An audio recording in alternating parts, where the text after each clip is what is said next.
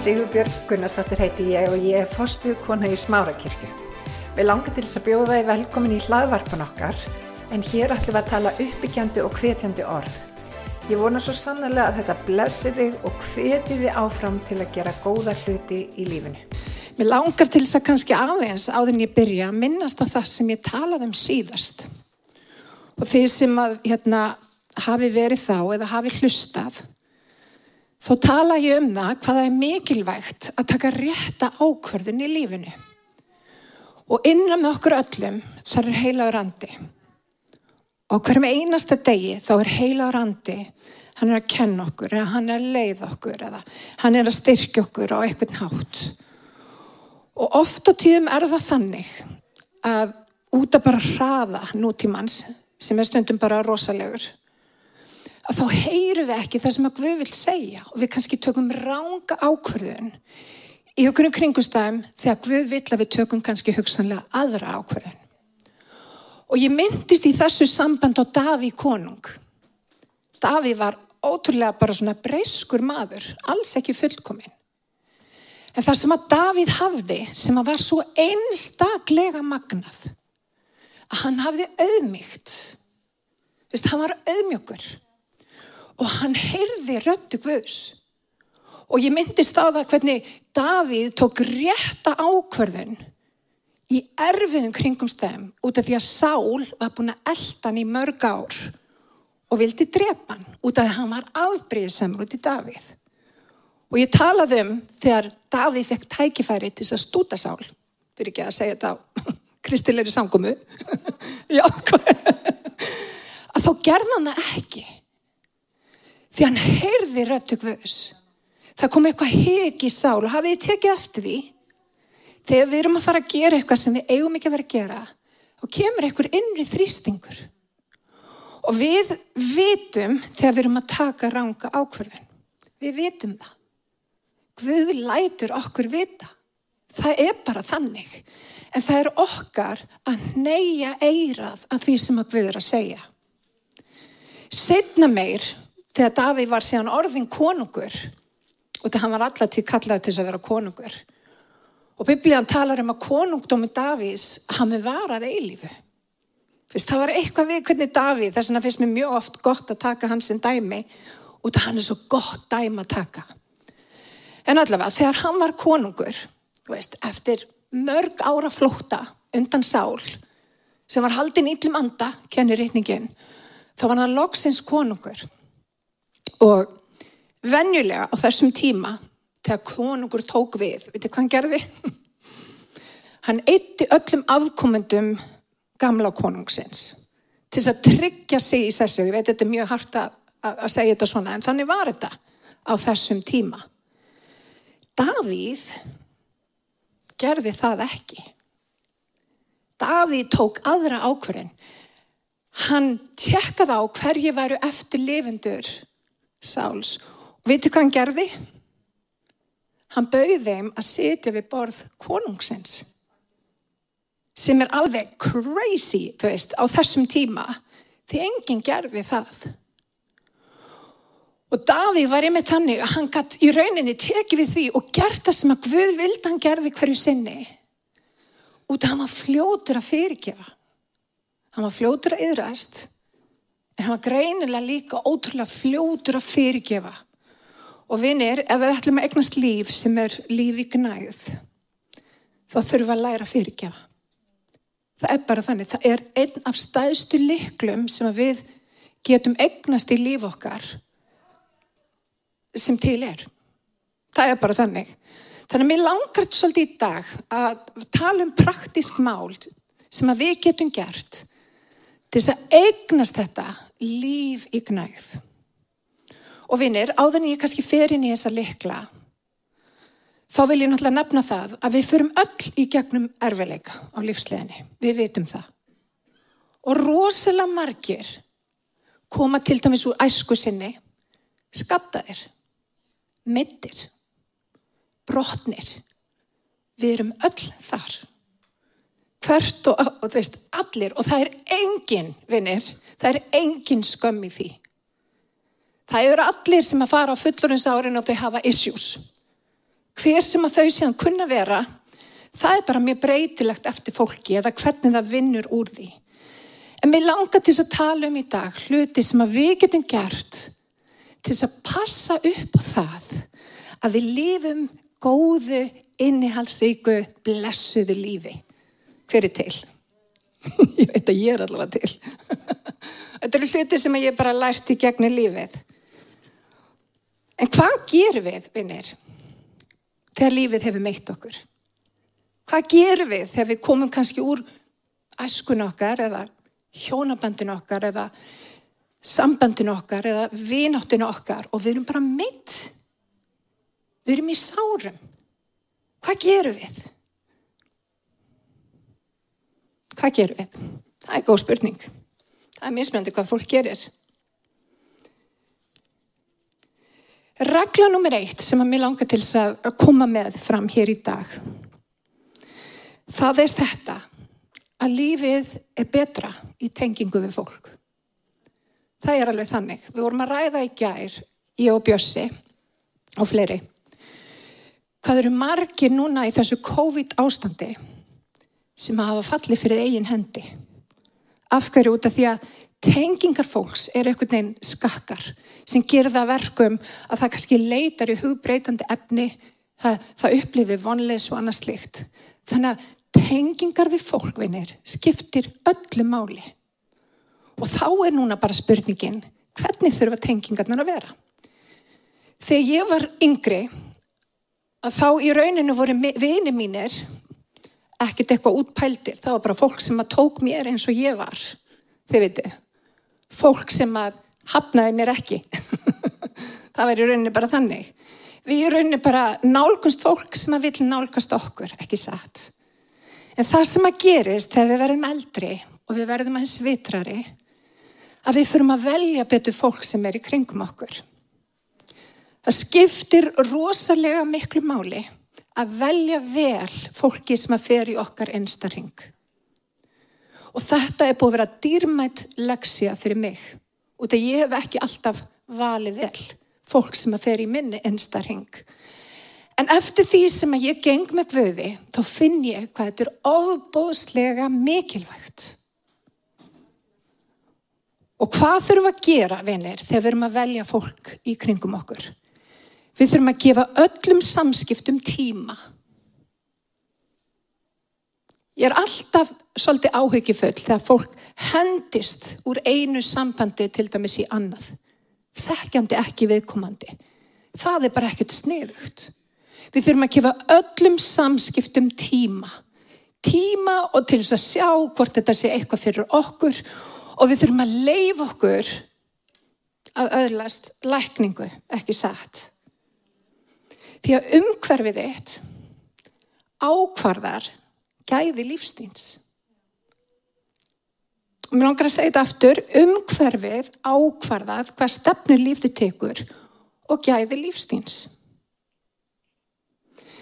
Eitt punktur hérna sem ég langar til að gefa ykkur og sem hefur gagnast mér er þessi. Tengdu þið fólki sem hugsa vel um sjálfan sig. Fólk sem hugsa vel um sjálfa sig hugsa ofta tíðum vel um umhverju sitt og þig þar að landi líka. Veldu fólk sem hugsa vel um sjálfa sig. Vandaði valið. Passaði upp á það að þú sért ekki með fólk í þínum einstarring sem að gera bátinn þín lekan Hvað gerist þegar báturni legur? Hann getur kannski verið á floti eitthvað nákvæm tíma en síðan sekkur hann og það viljum við ekki. Regla nummið tvö. Munið eftir reglunni frá mömmu um að við ættum ekki að tala við ókunnuga. Ekki fara upp í bíl með einhverju sem þú þekkir ekki. Regla nummið tvö er svolítið svipið þessari reglu en ég snýðinni við passaðu að fá ekki ókunnuga upp í þinn bíl. Og ég ætla að segja þetta aftur. Passaðu að fá ekki ókunnugt fólk upp í þinn bíl. Passaðu upp á bílinnin. Passaðu upp á bátinnin. Þú þarf að vita og ég þarf að vita að við erum verðmætt. Við eigum það besta skilið. Og mér langar til að segja, sérstaklega kannski við konur hér í dag ef að menn er að setja ykkur niður gera lítið úr ykkur. Ef að menn er að, er að tala niður til ykkar, opnaðu hurðina og vísaðu viðkomandi út. Ekki leifa fólki sem er að gera lítið úr þér að ferðast með þig í gegnum lífið. Ekki gera það. Þið eigi meira skilið en það. Þannig um leið og ykkur er að fara að gera lítið úr þér. Vís honum burt. Lífið er ofstutt. Og ég segi þetta aftur, lífið er ofstutt að vera með fólki kringu sig sem er bara hreinlega að drepa okkur. Það er bara ofstutt. Og mér langar til að minna þig á að þú ert verðmætt sköpun Guðs. Þú þart ekki að sætta þig við neitt, þú átt að besta skilið. Þú ert dóttir, þú er sonur konungsins. Þú átt að besta skilið. Ekki sætta þig við neitt minna en það. Þannig að dömur, herrar, vísið fólki út. Ég verða að segja ykkur, ég var að tala við ykkur um daginn, var þetta í hjónabönd. Og þið vitið, veist, það eru hlutir sagður í hjónaböndum og svo framvegs. Ég er búin að vera gift alla mínum í 21 ár. Hann hefur aldrei sagt stigðar yrði við mig. Aldrei.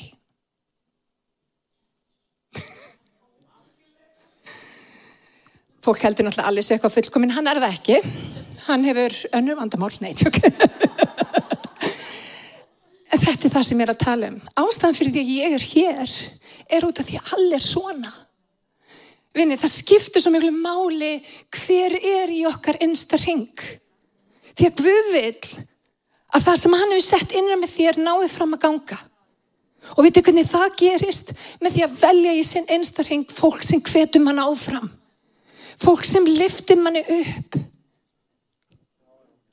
Má ég heyra með hann? Og vinir, við eigum ekki að sætt okkur við neitt minn en það. Það er bara þannig. Þannig ef þú ert að bíl og það er einhver ókunnug sem kemur. Ókunnugur er til dæmis einstaklingur sem kann ekki að meta þig. Það er aðlið sem eru ókunnugur. Takk fyrir bless. Dýrmætt leksja, bara moving on. Ekki sagt. Amen. Þannig að regla nummið tvö, ekki pikk upp ókunnuga. Þetta er mjög praktískt hérna í dag. En ég vildi einmitt hérna, kannski undistrykka það, því meira heilbreyði sem við búum yfir, því meira heilbreyð dregur að þér. Heilbreyðin er að dregur að þessu heilbreyði. Og því meira heilbrið sem þú ert, því betur sem að þú dílar við þína innri demona eða innri særendi, því meira getur í raun hjálpað öðrum. Því meira hefur að gefa. Og þetta áviðum andlega, þetta áviðum félagslega, þetta áviðum fjárhagslega, þetta ávið á öllum sviðum. Þess vegna skiptir svo miklu máli að setja súrumnisgrímuna fyrst á sig áður en förum að hjálpa ykkurum sem eru raunni að ganga frá okkur. Þetta er gott. Ég vil tótt ég segja ekki amen. amen. Númið þrjú. Veldu ákvörnastað. Ekki fara bara eitthvert í gegnum lífið. Hvert langaði að fara? Hvað viltu gera? Hvernig ætlar að fara þángað? Við verðum með ykkar plan og hreinu og verði meðvitu um það að Guð hefur sett innan með einum og sérkvörum eitthvað sem að, að við eigum að sjá verða veruleika í líf okkar. Það þýðir að við megum taka plás. Við eigum að taka plás. Það þýðir að það sem að Guð hefur sett innan með þér er bara innan með þér. Það er engin annar sem að getur tekið þitt plás. Þannig í vegakorti lífsins hvert viltu fara og ofta er það þannig að við veljum inn í líf okkar fólk sem er kannski með svipan þú veist smekk á mat eða þú veist það byrja þannig eða eitthvað svo les fyrir mér skiptir gríðarlega miklu máli að velja inn í líf líf manns fólk með svipa gildismat fólk sem skilur, veitir það ég get ekki verið gift einhverjum öðrum en alla út af því hann skilur mig, hann skilur kjarnan minn. Hann skilur hvað trúin skiptir mig gríðarlega miklu máli og hann er ekki bara áhörfandi, hann er þáttakandi. Það er svo mikilvægt, þess vegna finnst mér svo dýrmætt að pör koma saman og taka þátt saman á göngunum með guði. Vistu, auðvitað veit ég það, stundum er það ekki hægt, en ég er að meina, veljið eitthvað sem er með svipa gildismat. Veljið eitthvað vini sem er með svipa gildismat, sem að sér innan með þegar eitthvað sem að guð sér. Og vinir, veljum bara vel. Veljum vandlega og veljum vel. Við megum velja vel og við megum taka okkur tíma í það.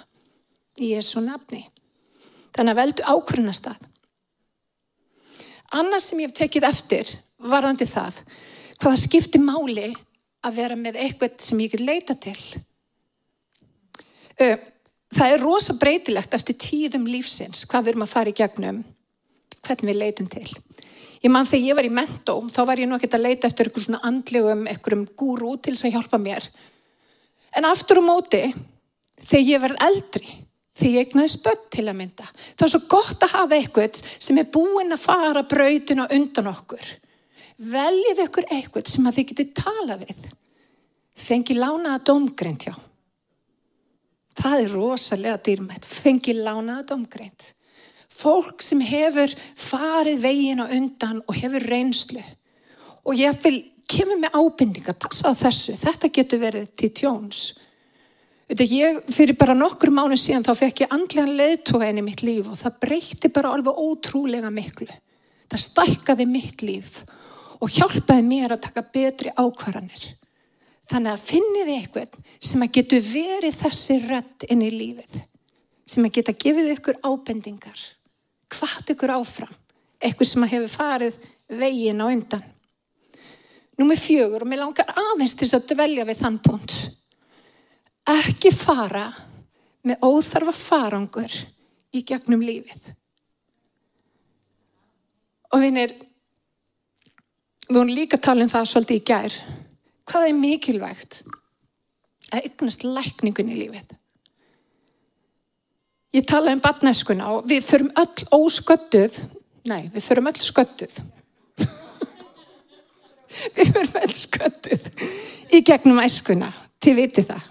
Það er enginn, það er ekki til fóreldri sem er fullkomið. Ég er allavega ekki fullkomið fóreldri, spyrjiði bara bönni mín. En hvað er síðan það sem við gerum við sásökun okkar? Og rosalega margir fari gegnum lífið með alveg þau við líka bakka. Og við erum svo reið og við erum svo sár og hverju fá kenna á því? Það er ekki fólki sem sarð okkur. Það er fólki sem við elskum. Og jáfnvel við sjálf. Og vinir, í staðin fyrir að fara í kjöknu lífi með fullt að bakka að þá skiptir svo miklu máli að við horfist í augu við það sem er búið að vera að særa okkur. Og við fáum lækningu inn í ákveðins við lífsokkar. Við að bakkarnir Hvað segir Jésu? Komið til mín allir þér sem erfiði hafið og þungar byrðar og ég með veit ekki kvílt. Hann er búin að segja það. Hann sagði þú þart ekki að gangi gegnum þitt líf með bakka á herfanum. Þér er ekki ætlað að gera það. Og ég heyrði setningun daginn sem að gjörsamlega hitti mig á milli augnana. Og ég ætla að reyna að finna hana hérna hérna er hún. Ef þú dílar ekki við þína innri demona, þetta voru ennsku, þá farði neyri kjallara af sáliðinni og lifta lóðum. Náðu þessu. Ef þú dílar ekki við þína innri demona, þá farði neyri kjallara á sáliðinni og þeir fór bara að lifta lóðum. Búið til rægt neyri kjallara. Ef þú dílar ekki við þinn innri sár, þá batnaðu ekki, þau vestna og þau brjótast fram í óæskilegri hegðun. Það er það sem gerist. Pátt postuli á þenn nama Kristinn, þá fór hann um og var að terrora sér að Kristi fólk. Hugsa ykkur. Hann varpaði fólk í fangilsi. Hann, uh, jafnvel, gerði það verkum með einhverju voru drefnir. Þegar loksis á ljósið var fyrir andleri vakningu. Hugsa ykkur hvernig honum hefur lifið. Og hugsa ykkur líka fólkinu sem hitti Pál og hann hafi kannski gert eitthvað á, á þeirra hlut. Fjölskyldum meðlumur sem hefur kannski verið varpað í fangilsi eða drepin eða eitthvað þýmlikt. Hugsið ykkur. Bakkinn sem að Pál Postuli í raunni þurft að bera. En hann segir þetta sem er ekkit ósýpa þessu, vanandi innri demonana, hann segir þetta svona í efisbrifinu. Hann segir ef þið reyðist, þá syngið ekki. Sólinn má ekki setjast yfir reyð ykkar. Og hann segir síðan, gefið djöflinum ekkert færi. Og ég hef oft hugsað þetta, sólinn má ekki setjast yfir reyð okkar. Er það bara yfir höfuð ægt? Stundum bara reyðustu og það er orðið dimt úti. Hvað gerum við þá? Þetta var algengt, þetta var sagt í gamla dag svona og þetta þýtti ekki og fyrir, fyrir klukkan átta í kvöld þá þarf þú að vera búin að fyrirgefa og það er engin reyði. Þetta snýst ekki um það. Þetta snýst miklu fyrir ekkar um það að sól lífsins megi ekki setjast yfir reyðina. Og það skiptir nefnilega svolítið miklu máli. Það að reyðast er öðlilegt og það er meira þess að nöðsynlegt til þess að koma sér út úr óæskilugum aðstæðum. Við eigum að reyðast. En þegar reyðin tekur bólfest í hjart okkar, þá verður hún svo miklu, miklu verri en það. Og hún fer að geta af sér alls konar afkvæmi. Og það stendur gefið djöflunum ekki fær, ekki leifunum að fara niður í kjallara á sáleikar og fara að lifta lóðum. Og það gerist ef þið leifir reyðinni bara grassir og grassir og grassira. Og hver skemmist við það? Við sjálf. Okkar samskipti í dag skemmast við það. Það er það sem gerist. Við getum ekki notið lífsins eins og við ættum að njóta lífsins, eins og Guð vill að við njóta lífsins, ef við tökum þá leið í lífinu. Vinnir, Guð vill meira fyrir því en það. Og þess vegna segir einn, látið ekki sólinn að setjast yfir eða ykkar. Allt er leið, gefið því tíma, en afgreðið sér málið og sleppið í tökunum.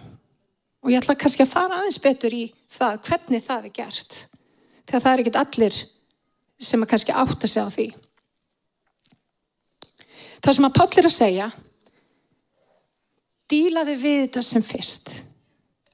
Leifðu ljósi Guðs að varpa sínu ljósi á það sem er að í lífinu og gefðu honum tækjafæri til þess að koma inn í hjartað og gera það sem gera þarf. Og ég talaði um það síðast, þegar við blessum óvinn okkar, hvað eru við í raunin að gera? Við erum að byggja um vogaskálar Guðs. Guð veit hvað fólk þarf. Og biblían kennir það er drottin sem hefnir. Það er drottin sem að, sem að gefa fólki það sem að það þarf á að halda til þess að það leður eftir sig. Ef þið skilir hvað ég meina. Þannig að leifið Guði og leifum Guði að taka það plás og tristum honum fyrir því. Og svo stendur hérna aðeins setna í Efesus, láti hvers konar besku, ofsa, reyði, háfað og lastmæli vera fjarlætt ykkur og alla mannvonsku yfirleitt verið góðvilju hvert við annað, miskunnsum, fús til að fyrirgefa hvert öðru eins og Guð hefur í Kristi fyrirgefið okkur. Vinir, ég ger mig fulla grein fyrir því að sumt er bara rosalega erfitt að fyrirgefa. Ég hef alveg staðið fram fyrir því að það er ákveðinu hlutur sem ég hef haldið í út af það er bara erfitt að fyrirgefa. En fyrirgefning er ekki fyrir fólk út í bæ. Fyrirgefningin er fyrir þig. Hún er frelsi fyrir þig, hún er frelsi fyrir mig. Og rosalega margir miskilja fyrirgefninguna. Fyrirgefningin er til að leysa þig. Hún er til að leysa mig. Og hefði Davíð til að mynda ekki fyrirgefið, þá hefði aldrei Davíð gert það sem að Davíð gerði. Hann var bara með hendurna frjáls til þess að taka við því sem að Guð vildi gera í gegnum lífans út af hann var tilbúin að fyrirgefa. En það er ákveðin auðmygt sem fælst í því. En mér langar til þess að aðeins að fara í hvernig fyrirgefum við.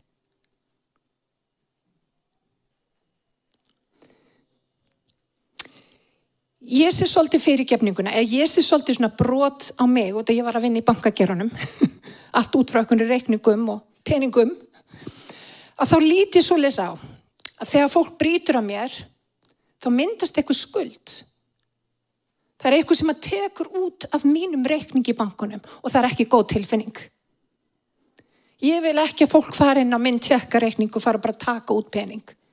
En þannig er það þegar fólk brítur á okkur. Við upplifum eins og fólk skuld okkur. Ekki sett. Ég stundum upplifið það, fólk bara skuldar mér, búin að vera vondu við mig, þú skuldar mér. En það sem er svo vond við það, þegar við, þegar við leifum okkur að horfa þannig á það, það er þetta. Það er alveg sama hvað viðkomandi myndi gera ef hann kæmi til þín og bæði afsökunar. Það er í rauninni ekkert sem að getur bætt fyrir það sem hefur gerst. Ekki neitt. Það er ekki hægt að gefa þér aftur tímaninn, virðingu þína, gleði þína frá þessum tíma. Það er ekki hægt að gefa okkur tilbaka það sem hefur verið tekið frá okkur. Þessin er svo mikilvægt vinnir að við afskrifum skuldina. Ég horfi svolítið á þetta þannig og ég manna í hruninu, ég var að vinna í banki í hruninu, æðislegu tími, by the way, alveg frábær. Þegar bankin fór loksins að afskrifa skuldir, hvað gerðist? Fólkið steg út úr helsi og allt í hennu katt þjóðfélagi farið aftur að ganga með eðlilegum hætti. Og það sama gerist þegar við erum tilbúin að afskrifa skuldir. Allt í hennu fara hlutinni ákveði frelsa eiga sér stað og bankarnir fengu allt tilbaka. Þeir afskuruðu eitthvað en, en þeir fengu allt sitt hvort sem er. Afskrift gefur nefnilega frelsi. Og það var kannski á, bankarnir áttu þessi á því í rauninu of seint. Að í því að afskrifa á þegna landsins skuldir fælst frelsi. Frelsi fyrir einstaklingana að fara að vinna aftur og verða, þið vitið, búa til peninga og svo framvegis. En það sama gildur um okkur. Og mér langar þess að fara í bara örstuðt, örstuðt, hvernig við gerum þetta. Oft á tíðum, þá nefnilega, þá fyrirgjöfu fólki við svona almennt. Þessi hefur verið vondu við mig, ég bara drottin í fyrirgjöfunum. Fyrir mér, og ég legg til að þið bara íhuga það, þau þurfum ekki endilega að gera það, en fyrir mér, þá hjálpaði mjög mikið að skrifa upp nákvæmlega hvað mér fannst vera gert á minn hlut. Ég skrifaði og þið getið, veist, dæmi. Hann tók frá mér æsku mína eða uh, þessi ár voru tekin eða eitthvað slíkt. Þannig að þú, þú listar upp hvað þú telur að hafa verið tekið frá þér. Og rosalega margir fara ekki í þessa vinnu, en þessi vinna skilar mestu. Um leið og þú er búin að setja upp blað og þú sérð í rauninni skuldina, þá getur þú líka beðið Guðum að frelsa því inn á tilteknu sviðum lífstíns. Og þegar þú eru búin að skrifa þetta allt niður, út af það er alveg ofbúslega therapeutic að skrifa niður þannig að þetta er bara algjörlega visuált. Ég veit að þau gerir þetta í tólsporakerfinu, bæði það sem að þú hefur brotið á öðrum og líka það sem hefur verið brotið á þér. Þetta skiptir máli af hverju því að þú ætlar að afskrifa skuldina. Það sem að þú gerir er síðan að skrifa ég afskrifa. Þetta er búið. Þessi einstaklingum má ekki taka neitt meira frá mér, þetta er búið. Og til þess að kannski átta sig á því, þá er fyrsta skrefið hver hefur brotið á manni. Flestir vita það. Flestir eru alveg með þá að reynu hver það er sem braut á. Númið tvö er einmitt að skrifa þetta niður. Númið þrjú, að fyrirgefa. Það er að taka ákverðun um að fyrirgefa. Og það er ekki þannig að þegar við fyrirgjum að það fáum við eitthvað gæsóð og það gerist eitthvað og við heyrum eitthvað trommusóló í andanum og, og eitthvað gerist, það er ekki þannig. Fyrirgefning er fyrst og síðast bara ákverðun ákverðun að þú ætlar ekki að lifa í fortíðinni. Þú ætlar að halda áfram inn í framtíðina. Pál Posteli saði á öðrum stað, hann saði ég gleymi því sem að bakjar. Ég seilist eftir því sem framöndan er og er hann þá að meina að hann muni aldrei muna neitt sem að gerðist, það þýðir það ekki heldur. Heldur það að ég ætla ekki að búa í fortíðinni. Ég ætla að vera tilbúin og seilast eftir því sem er fyrir fram að mig. Og vinni til þess að við eignumst lífi gnægð að þá þurfum við að vera tilbúin til þess að seilast eftir því sem að Guð hefur fyrir okkur. Má ég heyra með hann? Þannig ákverðunum að fyrirgefa. Afskrifa skuldina. Og vinni fyrst um sinn að þá munu tilfinningarna poppa upp aftur. Það er eitthvað sem kemur og sagir mannstu hvað var vondu við því þarna. Þá segir við tilfinningunina Það er rétt, en ég er búin að afskurfa þetta. Þetta er búið. Þetta verður ekki verið valdið með lengur. Og þegar þú og þegar andið þinn tekur stjórn á þínu tilfinningum, veitir hvað gerist? Tilfinningarna fylgja. Það er nákvæmlega það sem gerist. Tilfinningarna fylgja. En við, við þurfum að vera meðvitið. Við þurfum að segja við fortíðan okkar hingað og ekki lengra þetta er búið. Nú ætlum ég að taka ábyrð á minni hamingi til framtíðar. Af hverju? Því á það skilið. Og mér langar að minna einn og sér hvernig ég er á. Þú átt skilið að vera hamingisamur. Þú átt skilið þetta lífi gnæð með hvöði. Og ekki leifa djöflinum að fá færa okkur með þessum hætti. Það er að byggja upp hérna gim í kjallaranum.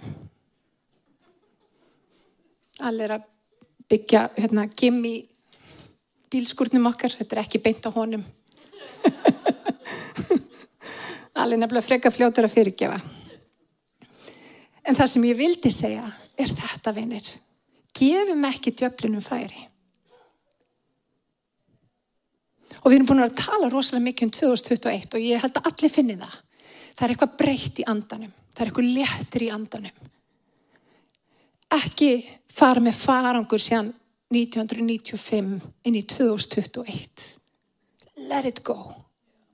Og tökum við því sem við höfum fyrir okkur í dag. Leifum okkur það, vinnir. Og ég veit ef að þú getur komið hérna upp og sagt ég myndi trúa þér, ég veit að þú hefur gengið í gegnum hluti. Ég veit það.